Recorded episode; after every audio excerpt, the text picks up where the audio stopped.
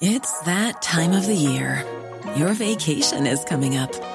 You can already hear the beach waves, feel the warm breeze, relax, and think about work. You really, really want it all to work out while you're away. Monday.com gives you and the team that peace of mind. When all work is on one platform and everyone's in sync, things just flow wherever you are. Tap the banner to go to Monday.com. Hey, I'm Ryan Reynolds. At Mint Mobile, we like to do the opposite of what Big Wireless does. They charge you a lot, we charge you a little. So naturally, when they announced they'd be raising their prices due to inflation, we decided to deflate our prices due to not hating you. That's right. We're cutting the price of Mint Unlimited from $30 a month to just $15 a month. Give it a try at mintmobile.com slash switch. $45 upfront for three months plus taxes and fees. Promote for new customers for limited time. Unlimited more than 40 gigabytes per month. Slows. Full terms at mintmobile.com. I'm Sandra, and I'm just the professional your small business was looking for. But you didn't hire me because you didn't use LinkedIn jobs. LinkedIn has professionals you can't find anywhere else, including those who aren't actively looking for a new job but might be open to the perfect role, like me. In a given month, over 70% of LinkedIn users don't visit other leading job sites. So if you're not looking on LinkedIn, you'll miss out on great candidates like Sandra. Start hiring professionals like a professional. Post your free job on linkedin.com/people today.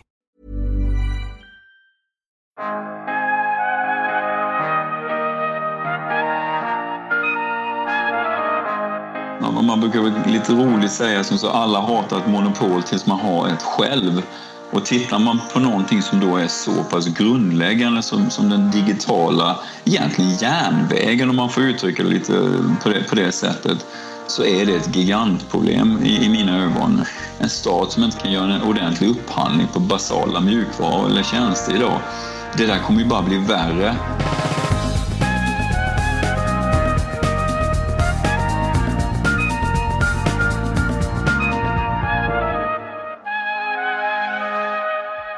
Hej och välkomna! Den här veckan gästas vi av en entreprenör som har det kaxiga målet att bli störst i Europa på molntjänster. Uppbackade av riskkapitalbolaget EQT ska City Networks försöka ta upp kampen på allvar om molntjänster med AWS, Microsoft och Google. Ja, det är onekligen Davids kamp mot Goliat där City Networks måste göra något oväntat som kanske sänker konkurrenterna. Det kanske inte kommer ske på tekniksidan utan sannolikt mer på den regulatoriska och politiska sidan där beslut kommer fälla avgörandet.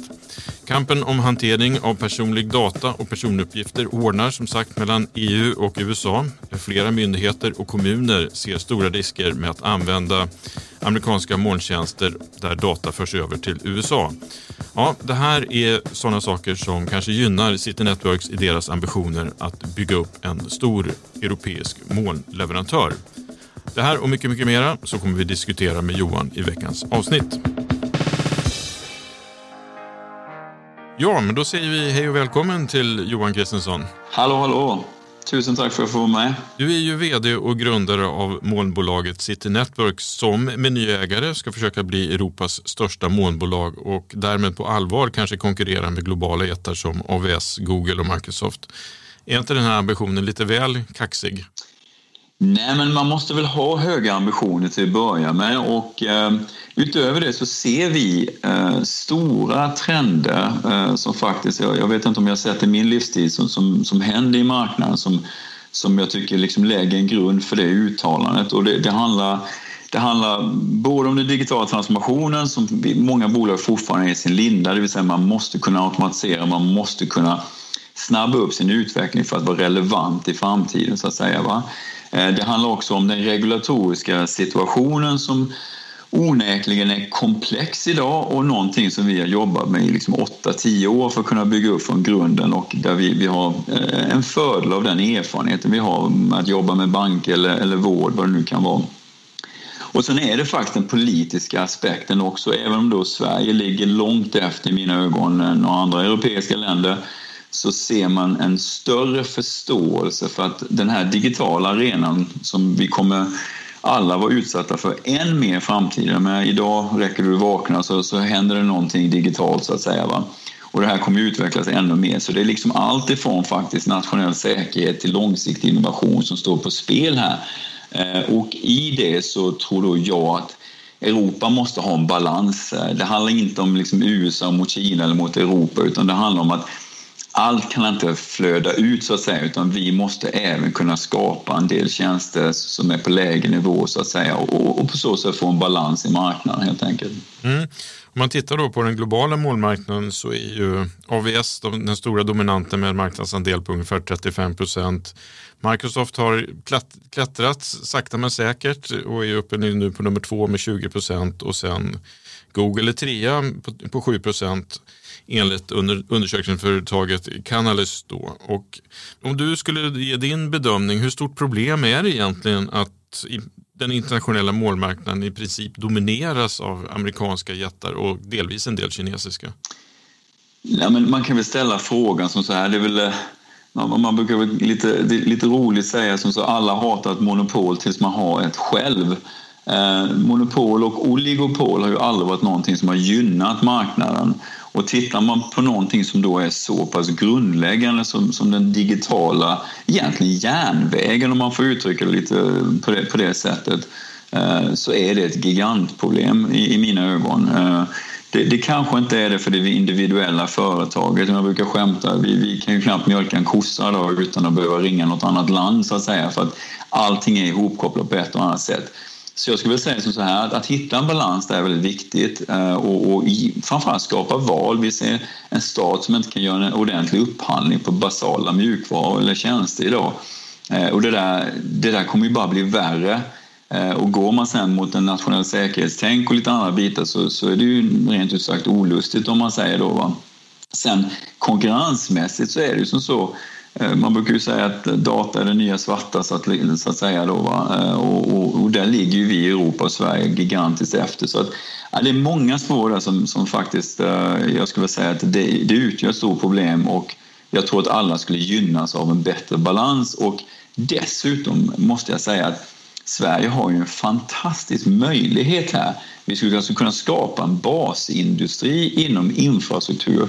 Eh, det handlar om, om datacentret i sig, men själva stacken under de här SAS-tjänsterna som vi gladeligen köper, så att säga, där vi skulle kunna ha tusentals anställda som då till skillnad från andra betalar skatt faktiskt i Sverige och, och, och kanske jobbar hårdare med miljö och andra eh, vad ska man säga, värderingar som jag tror ligger oss varmt om hjärtat här. Så balans är nog huvudordet där. Mm.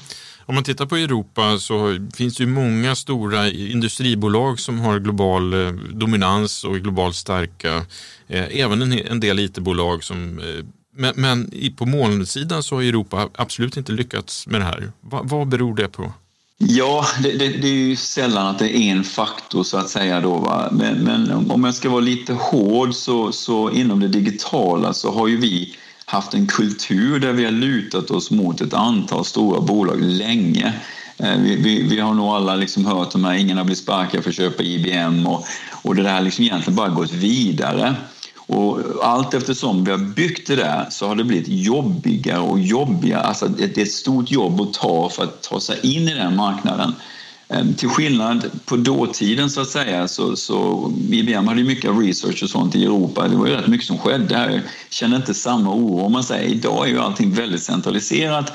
Eh, där, där ett stort datacenter kan drivas av, av, av ett fåtal personer men all research och allt kunskap hamnar någon annanstans. Vilket då gör det mer oroväckande att, att den utvecklingen fortsätter då. Eh, så jag tror mycket ligger i den kulturen. Vi har lutat oss mot eh, speciellt amerikanska företag. Även Kina är väldigt duktiga på detta också. Ehm, och lite häpnadsväckande då att Europa är så gigantiskt långt efter det. Vi har egentligen inga spelare. Det finns ett par, tre, inklusive oss själva då som som naggar i kanten men i volym inte självklart någonstans kan jämföra sig med det. Då. Så att där ligger nog en stor del och sen hoppas jag framåt att det är vi på leverantörssidan som självklart måste se till att tjänsterna finns där så att det finns ett val till att börja med. Men det ligger lika mycket på köparsidan att, att, att våga ta steg ifrån. Jag menar, eh, lämnar man till exempel Microsoft 365 idag, det där är ju ett jobb och man, det känns jobbigt på många sätt. Eh, för, för, att jag, jag är själv 50 år, jag, det tog mig lite tid att bli van vid nya mjukvaror och sånt där. Så det är ett jobb att ta. Så jag tror faktiskt på båda sidorna måste vi våga Och det har varit svårt. Sen får man ju ge det också. Jag menar, de amerikanska företagen är ju jätteduktiga. Det är goda tjänster som levereras. Lobbyingverksamheten är fantastiskt stark och utvecklad. Och kombinerar man allt det så är det nästan som så att det är omöjligt att undkomma det. Så att, ja, men vi har ett jättejobb att ta där. Men förra året så sålde du bolaget till EQT-ägda IT-driftbolaget Ivar då för cirka 300 miljoner kronor enligt medieuppgifter. Jag tror inte ni har gått ut med en officiell försäljningssumma än så länge. Eh, men oavsett summan så är det en liten summa i molnsammanhang kan man, kan man tycka. Varför valde du att sälja bolaget? Så här, eh, det, det, det, handlar om precis det du säger. Vi har fantastisk teknik, vi har väldigt mycket av det som krävs. Men det här är ett race för jättar, eh, om jag ska vara ärlig. Du, du ska hitta skalfördelar, du ska ha datacenter runt om i hela Europa och hela världen. Eh, det handlar om miljardinvesteringar. Vi har kunskapen och tekniken men kanske inte det kapitalet som krävs för att bli en riktig konkurrent. Och min, min dröm från första start var hela tiden att bli Europas val. Ehm, Trott hela tiden att vi, vi måste liksom konkurrera på den här arenan och tror väldigt mycket att Europa har en väldigt god chans att skapa eh, starka spelare inom detta. Då, va? Eh, men behöver det stödet helt enkelt för att kunna göra den resan på riktigt och EQT passar väldigt väl eh, som en ägare i det helt enkelt och dessutom vilja se samma vision, se att Europa har de här möjligheterna och vi, vi tror verkligen vi kan bli den spelaren. Men eh, du säger ju helt riktigt att det krävs massor med kapital. Var kommer ni få det här kapitalet ifrån då som krävs? Ja, men med större, idag har vi 13-1400 anställda. Med bara den organisation vi har och den R&D som vi gör idag så är det en väldig skillnad på det som City Network skulle klara av att göra själva så att säga. Då. Sen har ju EQT självklart eh, eh, möjlighet att göra tilläggsinvesteringar och sådana här bitar som, som gör att det finns möjligheter när när, eh, när behovet uppstår och det känns rätt. Men du fick inte själv känslan att äh, fan, nu hoppar jag av nu när jag liksom lyckats sälja det här? Nej, vet du vad? Tvärtom. För mig har det här blivit en, en personlig sak. Jag, jag, måste vara ärlig och säga att jag ser med djup oro på vad Europa kommer att stå. Jag ser det digitala som fullständigt fundamentalt. Vare sig man är Ikea och bygger soffor liksom, eller du, du levererar en, en cool SAS-tjänst alla Spotify. Har vi inte detta i framtiden så tror jag inte Europa kommer se likadant ut. Det var som Angela Merkel sa i Davos, då hon, hon sa liksom några kloka ord. Hon sa att liksom, ska vi kunna leva som vi gjort i efterkrigstiden i Europa så måste vi kunna lära oss att göra batterier för att kunna transportera saker. Och vi måste kunna göra en CPU. Vi kan ju inte bygga en dator här idag, vilket är lite oroväckande med tanke på den digitala utvecklingen. Och tredje är att vi måste lära oss cloud computing, för det är ju där datan samlas och det är där allting händer då. Så för mig har detta nästan blivit personligt. Jag ser våra ungdomar som går i skolan och GDPR säger ju att ungdomarna är ju den absolut mest känsliga datan, men, men varenda skola öser ut datan formidabelt liksom eh, i, i Google och vad det nu kan vara. Och, och inget ont om leverantörerna, utan det är bara mer att jag, jag, önskar att vi kan både följa våra lagar och då respektera användarna på ett annat sätt än vad vi gör idag. Eh, så för mig eh, har den här resan bara börjat. Jag tror här, vi, vi står inför en lång resa där jag tror att det är fullständigt kritiskt att vi hittar en balans i, i infrastruktursidan. Innan vi fortsätter att prata framtid eh, så tänkte jag att vi faktiskt skulle backa lite i tiden. Till början på 90-talet där du eh, under första halvan utbildar dig till ingenjör vid Blekinge Tekniska Högskola och tar din master på Florida Tech. Hur kommer det sig att du valde den här eh, inriktningen? Ja, men jag, jag, jag valde ju då att bli byggnadsingenjör med, med mastern då kanske civilingenjör och väg och vatten egentligen då. Va? Och ja, jag vet inte om det egentligen var, var jag från början då, va? men jag, jag bodde ju länge i USA och eh, direkt när jag gick ut skolan så började jag faktiskt eh, med, med, med internet som så många andra. Var ute och köpte en, eh, en tjock bok på 800 sidor som jag plöjde på en dag i hur man skapar hemsidor och bygger en webbserver helt enkelt. Och från det så har det faktiskt eh, varit rakt in i eh, internetledda tjänster från första start, det vill säga Eh, första företaget som jag byggde upp var ett eh, företag som gjorde eh, CV online helt enkelt då, från mitt dormroom i Melbourne, Florida. Eh, så att på den vägen var det helt enkelt. Så att man har väl alltid nytta av utbildning, tror jag, tycker jag. Även om det här handlar om att va, jobba ner lasten med matematik och sånt så blir det helt enkelt datorer för hela slanten därefter. Då. Och I början av 20-talet så är ju datacenter börjar bli i ropet. Man pratar mycket om co-location center med syftet att eh, få företag att flytta sina, sin IT-drift och IT, IT-server, eller servrarna helt enkelt till stora datahallar. Och det är flera internationella jättar som börjar etablera sig med och bygger datacenter, inte minst runt i Stockholmsområdet. ungefär samtidigt då så startade du City Networks. Vad, vad, vad stod i affärsplanen där när ni drog igång? Jag hade haft förmånen att få, sälja mitt första bolag där 2000 och funderade lite på vad, vad jag skulle göra så att säga. Då. Jag, kan, kände att jag har mycket kunskap runt internetrelaterade företag och affärsidéer så att säga. Då. Men då gick jag faktiskt in i någonting som jag gjort tidigare då och, och liknande det här bolaget som jag byggt upp tidigare och sålt då. Eh, och, och, det handlar om traditionell hosting och webbhotellsbusiness då.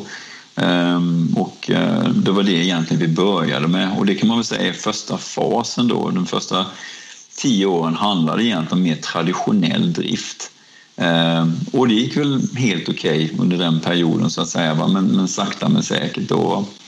Ehm, som sen utvecklades då när jag, för jag jobbade egentligen med ett par, man kan väl säga som entreprenör har man ett, en utmaning det här med fokus. Man, man tror man kan driva tre, fyra företag samtidigt. Det tog man nog 40 år faktiskt att förstå vad fokus egentligen innebar. Eh, så jag var egentligen engagerad i ett par, tre olika mm, affärer på, på den tiden. Men när jag sen kom tillbaka 2008 då var det liksom all in och, och, och då hade jag faktiskt använt lite AVS-tjänster själv och, och satt och undrade vad är det jag har gjort under hela tiden. Det är ju här, så här man ska göra det så att säga. Och det är egentligen därifrån den nya idén då i form av att leverera infrastruktur som molntjänst och, eh, och med en regulatorisk touch hela tiden. Då. Men var det då också du fattade att molntjänster skulle bli en stor och viktig del för utvecklingen av hela det digitala samhället? Ja, men jag tror man såg rätt tidigt att det digitala fortsatte att växa och att det skulle bara fortsätta växa. Jag tror det, det, det kan nog vem som helst se redan då om man säger. Va? Eh, sen var det nog som så här att jag har varit stor köpare på andra sidan. Jag har byggt upp några bolag som var stora köpare av hostingtjänster, det vill säga stora utvecklingsteam och andra bitar. Då, va? Och I den resan så har man ju förstått hur pass knökigt det kan vara att jobba med egen drift och egna servrar och fysiskt och dessutom. Va? Så det är klart att det blev en revolution om man kunde trycka på en knapp och sätta upp en eh, koppling mellan två hallar liksom på tio minuter istället. Eh, så att jag, jag vill inte säga att det var så revolutionerande då, men just den trenden att kunna på ett mycket mer effektivt sätt. Det var inte lika mycket automatisering. Idag handlar ju digital transformation nästan uteslutande om att du måste automatisera allting. Då var det ju mer en kontrollpanel men det var ändå gigantiskt mycket snabbare och smidigare. Då. Så att, eh, det var nog det med jag såg att där, där finns en möjlighet och ett, ett, en transformation, ett skifte som jag gärna skulle vilja vara med på den resan. Då. Jeff Bezos och Amazon var ju tidiga med det här och liksom nästan under radarn började de bygga upp eh, AVS och jag minns mycket väl, liksom helt plötsligt så fanns det en spelare som var väldigt stor på molntjänster utan att man egentligen hade fattat att eh, vad är det som har hänt? Hade du samma känsla när de dök upp och liksom tog mer och mer mark och började bli mer och mer synliga? Ja, men det hade jag nog. I och med att man jobbar inom den branschen så blir det enklare kanske att se det då. Men sen så var Amazon redan dominanta rätt, rätt så tidigt i form av affären Amazon så att säga. Då, va? Eh, det som är fascinerande är ju hur snabbt detta går. Alltså 2006 så lanserar man AVS, alltså vi snackar 16 år sedan, eller 15 år sedan. Eh, 2007 kom iPhone. Eh, och tänker du tillbaka till 2005 så var ju Europa fullständigt dominanta. Liksom. Ericsson Nokia, jag tror Nokia var väldigt kaxiga där när iPhonen kom och, och 40 procent av marknaden. Liksom. Eh, idag har vi ingenting kvar. Allting är precis överkört och det är väl lite där man kan, eh, man kan både förundra sig och beundra skulle jag säga amerikanernas enorma kraft när de verkligen sätter manken till. Och tittar man på Jeff Bezos så något av det man kan liksom beundra mest där det är ju att han har ett börsbolag liksom, men struntar i den här kvartalsmentaliteten och, och fortsätter investera stort, kan inte visa några vinster under väldigt lång tid utan säger bara vänta ni, vänta ni. Jag investerar för framtiden och då kommer det hända. Det är lite liknande om man ska vara helt om man tittar på Kina idag. De har ju en väldigt långsiktig Eh, Eh, plan eh, framåt. Nu styr de det på ett annat sätt som vi alla vet och det, det, det är inte föredra på det sättet. Men jag tror Amazon är ett, ett, ett, gott exempel på hur man kan klara av att göra en långsiktig investering eh, och ändå vara ett börsbolag. Ofta skulle jag säga att många vd är väldigt kvartalsfokade eh, och ska man vara i tre eller fyra år så liksom vill man se bra ut och då är det jättesvårt att ta en infrastruktursatsning som då Jeff gjorde, vilket är superimponerande måste jag säga.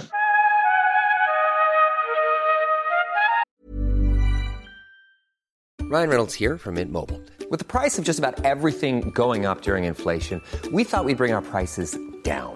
So to help us, we brought in a reverse auctioneer, which is apparently a thing. Mint Mobile unlimited premium wireless. Ready to get 30, 30, bit to get 30, bit to get 20, 20, 20, bit to get 20, 20, bit to get 15, 15, 15, 15 just 15 bucks a month. So, Give it a try at mintmobile.com slash switch. $45 upfront for three months plus taxes and fees. Promo for new customers for limited time. Unlimited more than 40 gigabytes per month. Slows. Full terms at mintmobile.com. I'm Sandra, and I'm just the professional your small business was looking for. But you didn't hire me because you didn't use LinkedIn jobs. LinkedIn has professionals you can't find anywhere else, including those who aren't actively looking for a new job but might be open to the perfect role, like me.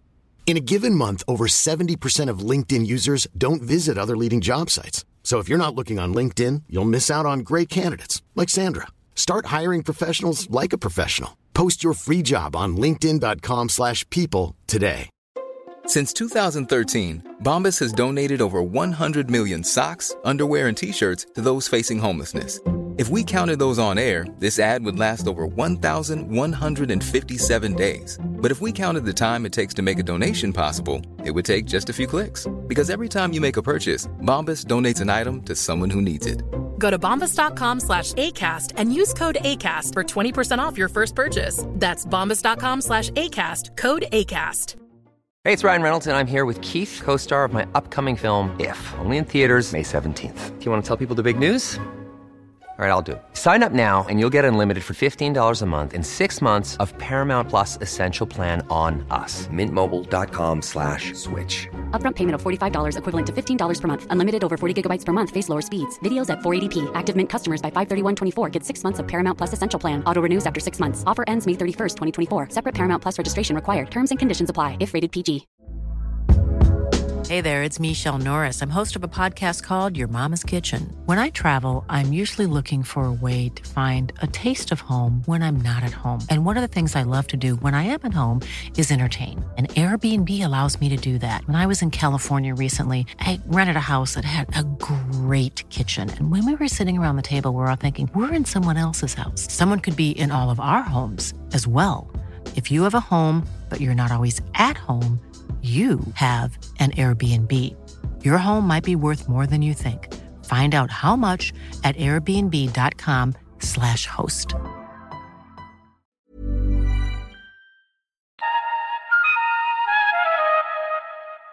Vi hoppar framåt till, till nutid då. Kan, kan du berätta lite kort om vad som ingår i City Networks erbjudande idag och eh, vad är det som kanske saknas för att du ska vara riktigt nöjd?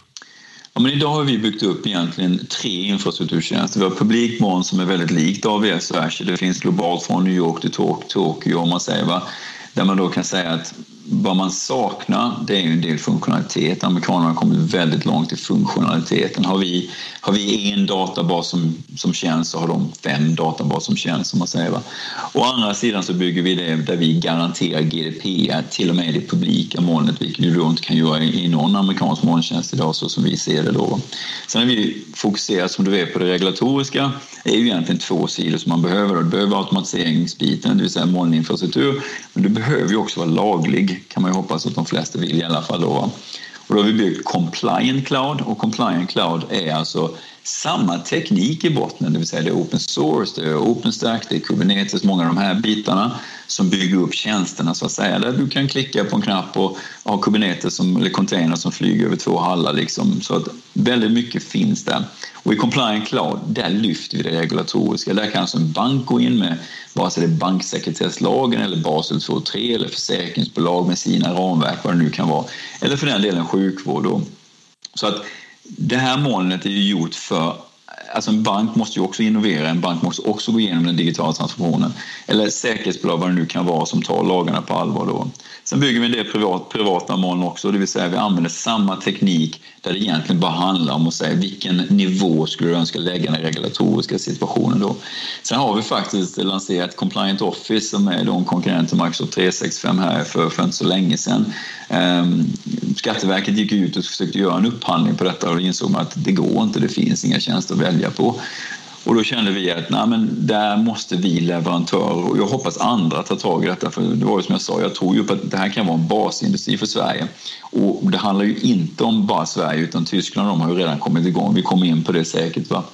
Eh, så de fyra tjänsterna är det vi levererar och eh, det är klart jag, jag önskar att vi skulle kunna ha kommit ännu längre, självklart ha ännu fler tjänster i det för att det är väl det som, som, som gör att man fortfarande då tyr sig till till exempel till Microsoft eller Amazons molntjänster trots då utmaningen runt det regulatoriska. Jag tror att det är liksom huvudanledningen till att framförallt svenska kommuner och myndigheter ändå väljer Microsoft eller Google eller Amazon istället för City Networks? Ja, men alltså det är svårt. Har du en liten kommun idag, man, man kanske har svårt att hänga med i alla de här dialogerna och faktiskt ha full kunskap eller förståelse runt vad, vad det regulatoriska ligger så att säga. Va? Sen vet vi om att resurserna är alltid begränsade vilket innebär att det är ett svårt val. Då. Nu tycker jag faktiskt att eh, tydligheten har kommit eh, på ett större sätt. Skatteverket gick ut med sitt PM här där det är väldigt tydligt att det är olämpligt att använda de här tjänsterna för en myndighet eller en kommun. Då, va? Eh, och jag tror faktiskt att många mindre myndigheter och även kommuner har väntat på den typen av tydlighet. De, de stora får visa vägen så att säga. Då, va? Sen handlar det om att komma tillbaka till det, det gamla om man säger. Eh, det är jobbigt att byta. Jag ska lära mig något nytt, vi ska göra något annat. Har man då använt Office till exempel i, 30 år så ja, men det kommer sig ganska naturligt. Jag satt precis med ett företag innan den intervjun som sa ja, men våra användare blir nästan knäckta om en knapp flyttar sig lite i Outlook. Liksom, va? Tänk dig då om man ska göra den stora förändringen. Och det är ju det jobbet som då vi måste ta för att kunna få detta att bli en basnäring och skapa den balansen som jag nu jag tittar på Skatteverket, jag tittar på Försäkringskassan, myndigheter som leder vägen och både har kunskap och nu visar vägen då i form av att det är inte okej okay att använda de amerikanska molntjänsterna för, för GDPR-data och andra känslig data. Nej, men precis. Och det pågår ju flera diskussioner som du säger och det är framförallt hantering av använda data, eh, hur det ska fungera och om svenska företag kan och verkligen ska använda molntjänster från leverantörer utanför EU. Det här måste ju spela er i händerna rätt mycket. Ja, jag vill börja med att säga som så här. För min del handlar det inte liksom om Kina, USA, de här bitarna. Utan jag, jag, tror ju på det här med balans då. Va? Men den balansen går ju bägge hållen. Det vill säga, det kan inte vara bara USA, det kan inte vara bara Europa. Utan jag, jag, jag tror ju stenhårt på fri konkurrens och att vi ska ha valmöjlighet. För i, i slutändan är det jätteviktigt. Eh, men det är klart, jag kan ju vara väldigt öppen och säga som så här. Europa där vi står idag skulle få det väldigt svårt att konkurrera med de stora jättarna idag. Om det är utan någon form av regulatorisk USP eller något annat om man säger. Är det head to head så har amerikanerna kommit väldigt mycket längre. Eh, och framförallt har ju då extremt stora pengar eh, som, som gör att man kan lobba, man kan, man kan göra väldigt mycket annat som gör att det är nästan är omöjligt att flytta därifrån så att säga. Då. Så att jag ser väl absolut detta som en möjlighet då, inte bara för, för Ivo City Network utan jag hoppas verkligen, eh, jag satt med Deutsche Telekom igår till exempel, där vi är några stycken i Europa som verkligen försöker skapa det här alternativet. Och jag hejar lika mycket på dem som jag hejar på oss för att jag tror alltså att det är viktigt. Och det är ju en gigantmarknad. Europa är ju världens största marknad mm. när det gäller de här bitarna. Så det är klart att det, det finns utrymme för flera spelare, inklusive kineserna och amerikanerna. Nyligen kom ju nyheten att ni tillsammans med bland andra Ericsson och Netnord grundat en svensk organisation för europeiskt målsamarbete och det här är ju också då en del i det europeiska samarbetsprojektet för molntjänster Gaia X. Kan du berätta vad Gaia X är för någonting? Mm. Ja, men det började faktiskt med, med, med, Siemens och Bosch i Tyskland som kommer till den tyska staten och säger, liksom, och det här kommer ju tillbaka till vad vi har talat om här idag, Nej, men det är liksom inte okej okay att vi skickar ut all vår data till USA och Kina. Vi måste ju ha egna tjänster. Där börjar den här idén om att digital sovereignty, eh, suveränitet och hela den här biten där man börjar sätta sig ner och fundera på liksom att men vad händer här om 10-20 år liksom, när vi bara fortsätter skicka ut detta?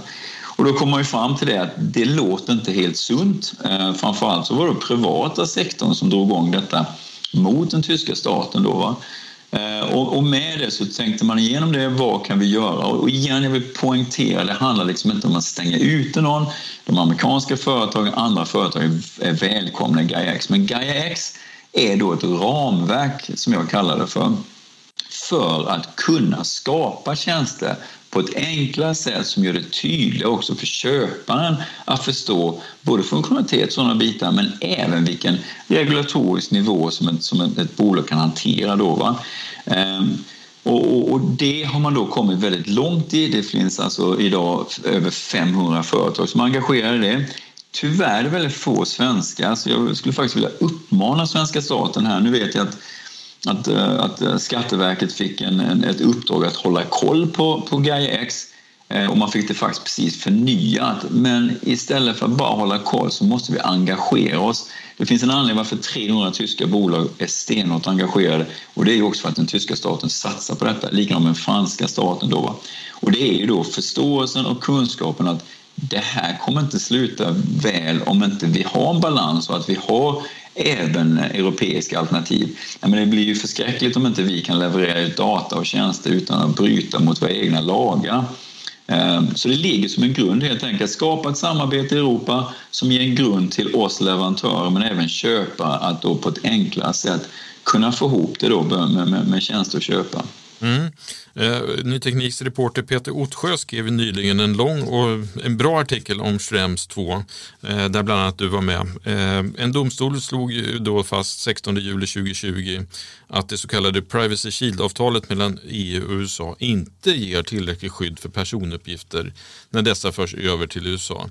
Och du är ju eh, som sagt var engagerad i den här frågan. Varför då?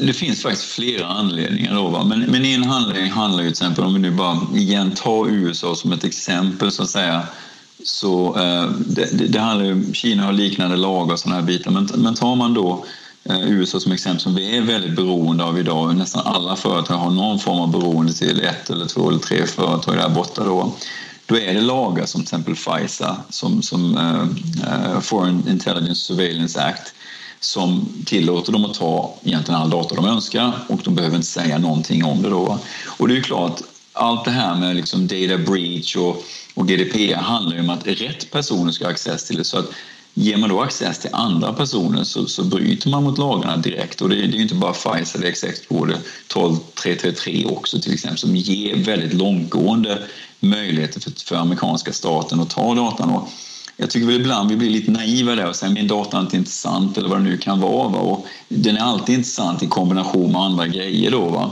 Och då, då, eh, då har du ena sidan lagarna att ta data. Den andra biten också handlar om accesser generellt sett. Det vill säga många av de här företagen ger ju då access till anställda som kanske inte borde ha access. Eh, det kan vara nationalitet, men det kan också vara att man inte har rätt bakgrundskontroll eller vad det nu kan vara. Också en utmaning för europeiska företag. Men vi till exempel, vi har anställda över hela världen. Det gör, det gör det ju ännu mer viktigt att vi ser till att bara de som är godkända så att vi kan upprätthålla lagarna får lov att ha access. Så där kan man väl säga att grunden ligger i form av varför det inte fungerar. Och då kan man också tillägga liksom att Kina har liknande lagar, Europa, vi läste om FRA häromdagen som som också vill övervaka till exempel. Så det är inte så att, att inte Europa kanske har de här bitarna. Om jag bara får lägga till sista biten så för en vecka sedan i söndag så kommer det också fram då att amerikanerna spionerar på oss, tyskarna och andra bitar. Och det jag skulle vilja få fram med det då att om man kan tänka sig gå till sin bästa vän och bedra den vännen, Danmark i detta fallet, för att då spionera på sina andra vänner. Då kan man ju diskutera om den staten inte skulle ta all den datan som finns tillgänglig lagligt att ta, det vill säga via stora amerikanska molnleverantörer. Jag tror inte vi ska vara naiva där och tro att varken datan inte är tillräckligt viktig eller att det inte görs. Det görs i gigantiska mängder och det ger ju ett konkurrensfördel på olika sätt. Det kan vara nationen men det kan också vara på andra, på andra sätt. Och, och I detta igen då så tror jag just att skapa en balans hade varit fantastiskt För att då, då får kanske Sverige och Europa också lite mer tyngd i att faktiskt kunna välja vad vi vill göra då. Mm. Hur tycker du då att svenska företag och kanske även myndigheter ska hantera, som hanterar personuppgifter idag, hur ska de tänka och agera redan nu? Ja, sen den 16 juli klockan 9. Den lagen gick ju i kraft klockan 9 och anledningen till det är ju att detta är en humanitär rätt. Man har alltså i våra stadgar i EU så har man alltså eh, skrivit in att detta är en, en rättighet till, till privacy så att säga. Det innebär att egentligen från den tiden så borde man börja titta på och gå igenom sina system. Vad klarar vi det och vad klarar vi det inte? Eh, det finns ju väldigt mycket mm, personer och annat som vill skapa en grumlighet i detta för det, det, det gynnar, är det inte tydligt så, så kan man då tycka att, att, att det, då kan man lika gärna köra eller alla andra köra. Jag tycker absolut inte man ska ha den inställningen. Jag tycker man ska ha, först och främst så är det tydligt. Skatteverket och många andra pekar nu med hela handen. Det är tydligt. Det fungerar inte helt enkelt med GDPR, men sålunda inte med, med andra tjänster heller. Då, va? Och jag tycker man ska ha faktiskt respekt för kunden. Vare sig man en kommun och skolan där våra barns data flyger ut till höger och vänster i tjänster som är inte lagliga med våra lagar som vi har idag. Eller om du är det privata företaget som, som, eh, som självklart också då bör titta på hur hanterar jag våra kunders data eh, och visa den respekten. För det finns en anledning varför de här lagarna, de är inte där för att vara jobbiga eller någonting utan det är en humanitär rätt. Det kan man ju se på USA. USA ger ju inte ut, som nu för, för 1177-skandalen, 16 miljoner. De ger ut miljardböter varje gång sånt här händer. Och det är ju för att de vill skydda de amerikanska invånarna. De har ju till och med gått så långt att TikTok fick, ju säljas till ett amerikanskt bolag om de ens ville vara på den marknaden. Eh, det är ju nästan likvärdigt om man skulle be Tieto gå och köpa Microsoft för att Microsoft ska få, få lov att agera i Sverige. Så långt går ju inte vi, men jag tycker den respekten för sina kunder är något som är väldigt viktigt och att vi kan vända de här lagarna till vår fördel. Det är därför att skydda oss och, och skapa en digital marknad som fungerar, inte bara för företag men även för oss som personer. Och då måste vi respektera de lagarna. Så börja jobba med det. Det finns alternativ. Visst, det finns ett jobb, men, men det finns alternativ. Europeiska, svenska, som man kan använda idag som är fullt lagliga. Men, men, tror du att EU och USA kan enas om ett digitalt handelsavtal när det gäller hantering av personuppgifter? Jag tror att man kan det. Faktum är att jag hoppas på det. Jag tycker EU och USA generellt sett, vi har, vi har väldigt lika grundläggande värderingar. Amerikanerna tycker privacy är jätteviktigt också. Va? Nu utnyttjar man EU-datan självklart, va? men, men man tycker det är viktigt, det tycker vi också. Så vi har liknande grundläggande värderingar. Jag tycker man ska hitta ett sätt att jobba med lagarna där man kan visa den respekten hela vägen. Det vill säga, man får tänka på, många vill spionera, många vill äh, få mycket data, det vill även EU självklart. Men vi måste göra det på ett sätt som faktiskt fungerar i praktiken för att det här kommer ju vara vårt nya liv. Våra barns liv kommer vara ännu mer digitaliserade vilket gör att den respekten måste komma in tidigt. Så ja, jag tror vi kan det. Eh, men jag tror att lagarna måste förändras eh, och jag hoppas verkligen att kommissionen och då Commerce Department att man sitter ner och tar de här dialogerna. Det viktigaste är ju att EU får inte lägga sig ner liksom och flyta som död fisk längs ån utan vi måste ju stå upp för de här värderingarna som vi vi tror på och, och, känner starkt för, som även amerikanerna gör också, och hitta ett sätt där både europeiska lagar amerikanska lagar faktiskt får det att funka. Så att, ja, jag hoppas att det sker och jag hoppas man har den dialogen och jag tror det är viktigt för igen, det handlar inte om, om liksom EU eller USA eller Kina utan det handlar om att vi ska ha ett val och då kommer vi tillbaka till den här balansen i det digitala igen. Då. Men det man har sett då från AVS och inte minst senast från Microsoft är att de lutar sig mot eh, att de har hårdvara på europeisk mark och säger att därmed är de compliant. Håller du med om det? Nej, och det, det, blir ju ganska självklart för, om man tänker lite längre. Om man säger en digital värld idag. Vi har ju alla laddat ner någon fil någon gång. Den, den satt ju inte i mitt, i mitt hem utan den kom ju från någonstans. Jag behövde ju inte gå till den fysiska hallen och hämta filen utan allt är ju uppkopplat idag. Så jag skulle vilja säga som så, det finns lägen när det faktiskt enligt lag ska finnas på ett visst ställe inom svenska gränserna, inom EU. Eh, det finns det, men jag skulle vilja säga att 95 procent handlar om accessen. Eh, bara för att jag har någon data i ett svenskt datacenter skickar jag in eh, alla möjliga människor där så vet vi att då, har ju, det är ju, då blir det ett brott om man säger. Va? Så det gäller ju att skydda accessen. Så att det där är, man, kan tycka vad man vill. Jag, jag, jag blir lite ledsen när jag, när jag ser hur man utnyttjar lite av de här bitarna för att få folk att tro något som faktiskt inte är sant. Man insinuerar rätt ofta att ja, men då är vi GDPR-compliant, men när man egentligen vet att man inte är det då. Och den kan jag väl tycka liksom att det, det, det blir lite väl mycket eh, man för folk bakom ljuset när man gör det. Jag, jag förstår ju varför man vill göra det så att säga då. Va? Och man ser ju hela tiden, ja men vad bra, nu är vi GDPR-compliant för sjunde gången så att säga då. Va? Och inget ont om det, men, men accessen är det viktiga då. Så nej, man är absolut inte GDPR-compliant. Och är man inte GDPR-compliant så klarar man ju varken OSL eller någon annan lag där ute så att säga. Det, det finns ju många lagar som, som, som, som vi, vi måste liksom, äh, lösa idag. Mm. Man skulle kunna säga att ni är David i kampen mot Goliat på målmarknaden och där David sänkte jätten Goliat genom att kasta en sten rätt i pannan. Men då vad ska City Networks, vad kan ni och ska ni göra som, som kraftig underdog göra för att ni ska göra egentligen det osannolika då att bli Europas största leverantör av molntjänster? Det är att se till att vi blir ett reellt alternativ. Och då menar jag inte bara uh, vara det lagliga alternativet utan att vi är så pass duktiga inom våra tjänster att ja, nej, men absolut, det är ett reellt alternativ. Jag väljer det. Eh, lagen tycker jag ska vara självklar. Det är självklart att alla ska hålla sig till lagen. Hela vår demokrati bygger på att vi följer lagar. Liksom jag kan ju inte, jag kan inte råna en bank bara för att jag inte har pengar. Va? Eh, men vi måste fortsätta jobba förbättra tjänsterna eh, se till att det finns ännu bättre tjänsteutbud. Framförallt jobba uppåt i stacken. Det vill säga att idag vill man kanske inte jobba lika mycket med servrar, idag vill man jobba med Kubernetes och containers och imorgon vill man jobba med något annat lager ovanpå så man gör det enklare och enklare. Tjänster som hela tiden förenklar den digitala transformationen för våra kunder. Det är egentligen så pass enkelt och det låter ju enkelt men som vi vet så, så läggs det många miljarder dollar på, på att utveckla de här tjänsterna så att det är lite där skon klämmer och självklart med vår tillväxt som vi ser så ser vi stora möjligheter att fortsätta den resan. Sen är det självklart en utmaning att fortsätta den tillräckligt snabbt för att vi verkligen ska kunna ta den positionen.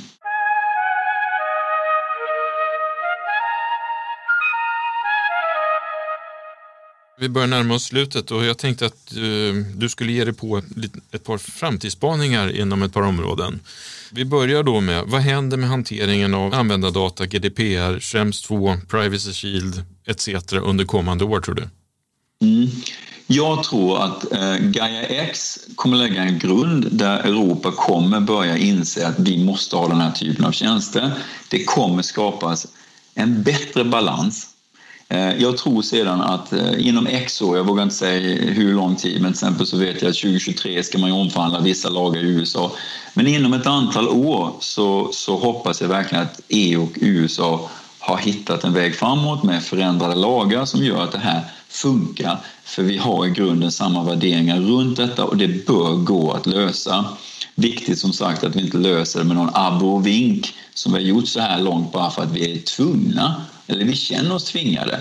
Eh, och ju fler tjänster vi får fram så, så är det mindre tvingande då. Så jag skulle säga att där någonstans, det hamnar att vi hittar en väg framåt men innan det så hoppas jag verkligen att Europa har skapat ett antal infrastrukturtjänster som våra eh, kunder här kan, kan utnyttja. Då. Mm. Just nu är det ju många jurister, inte minst, som kliar sig i huvudet och undrar, tänker som, ja, men kan vi som kommun eller myndighet verkligen eh, använda Microsoft eller Googles molntjänster för lagring av medborgarnas persondata. Vad tror du har hänt eh, kommande två åren, tre åren med de här frågorna?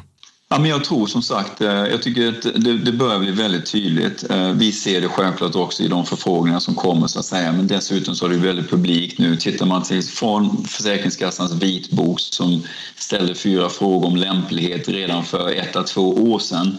Eh, där började, skulle jag vilja säga, staten sin resa så att säga. Eh, Skatteverket med sin promemoria nu har tagit ytterligare tydliga steg och eh, sagt vi kan inte använda Teams. Ja, men då är det ganska tydligt. Det här faller ju ner på den privata sektorn med. Kan inte de göra det? Ja, men kan vi göra det då så att säga?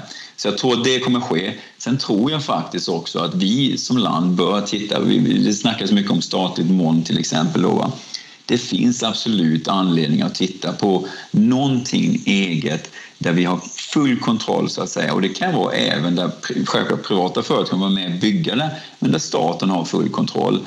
Ehm, och jag tror att det finns sätt att göra det på ett balanserat sätt som gör att privata sektorn kan vara med, se till att innovationen inte försvinner för att det är helt förstatligas eller, eller på det sättet.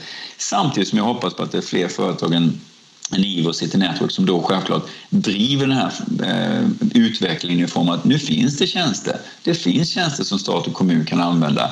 Men de måste våga och de måste våga ta det steget helt enkelt. Nu har vi pratat lite om de regulatoriska utmaningarna och trenderna, men om vi tittar på tekniksidan, vad, vad, kommer hända där när det gäller molntjänster och eh, ut, den utvecklingen? Man kan väl säga som så, jag, jag, tror vi alla kan vara överens om att det kommer ju bara fortsätta. Eh, vi, vi talar om hastigheten, den digitala transformationen. När du använder molntjänster så kan du komma framåt mycket snabbare. Eh, I mina ögon så skapar det en helt annan möjlighet till innovation så att säga. Då, va? Så att ökningen kommer bara fortsätta. Sen om det ligger på 20 eller 30 procents tillväxt, Eh, det är nog bara frågan hur snabbt det går framåt. Då. Molntjänsterna i sig kommer bara fortsätta växa uppåt i stacken, det vill säga det blir mer och mer tjänster.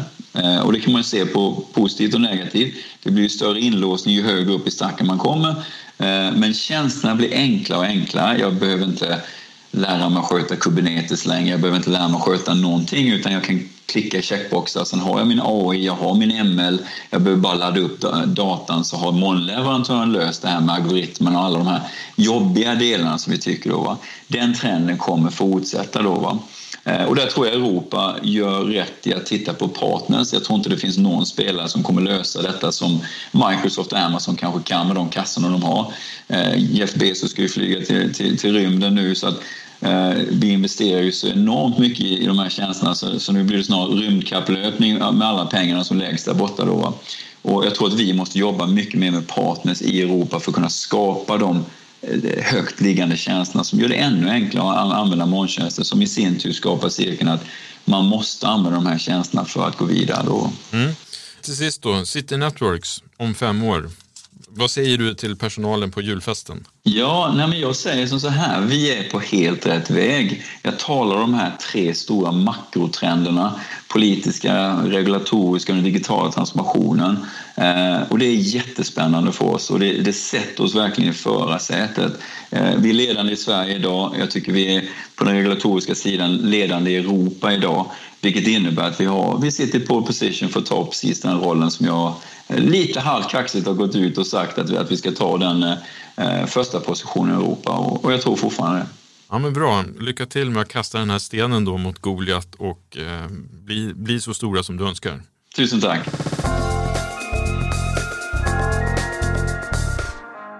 Stort tack för att du har lyssnat på veckans avsnitt. Som vanligt så finns det massor med material och artiklar att läsa på nyteknik.se om du är intresserad av att lära dig mer om Schrems 2 och andra typer av innehåll som berör hantering av användardata och molntjänster. Gör gärna som tusentals andra och klicka på prenumerera så missar du inget avsnitt. Vi hörs nästa vecka. Tack så mycket. Hej då!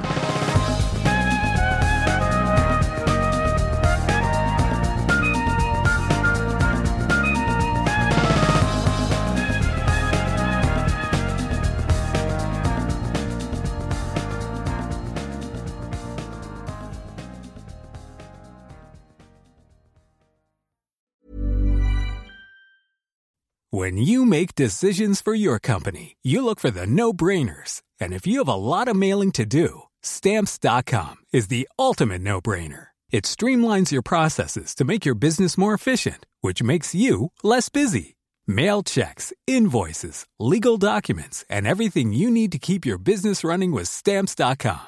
Seamlessly connect with every major marketplace and shopping cart Schedule package pickups and see your cheapest and fastest shipping options from different carriers with rates up to 89% off USPS and UPS rates. And with the Stamps.com mobile app, you can take care of mailing and shipping wherever you are. Make the same no-brainer decision as over 1 million other businesses with Stamps.com. Sign up with Code PROGRAM for a four-week trial, plus free postage and a free digital scale. No long-term commitments or contracts. That's Stamps.com. Code PROGRAM.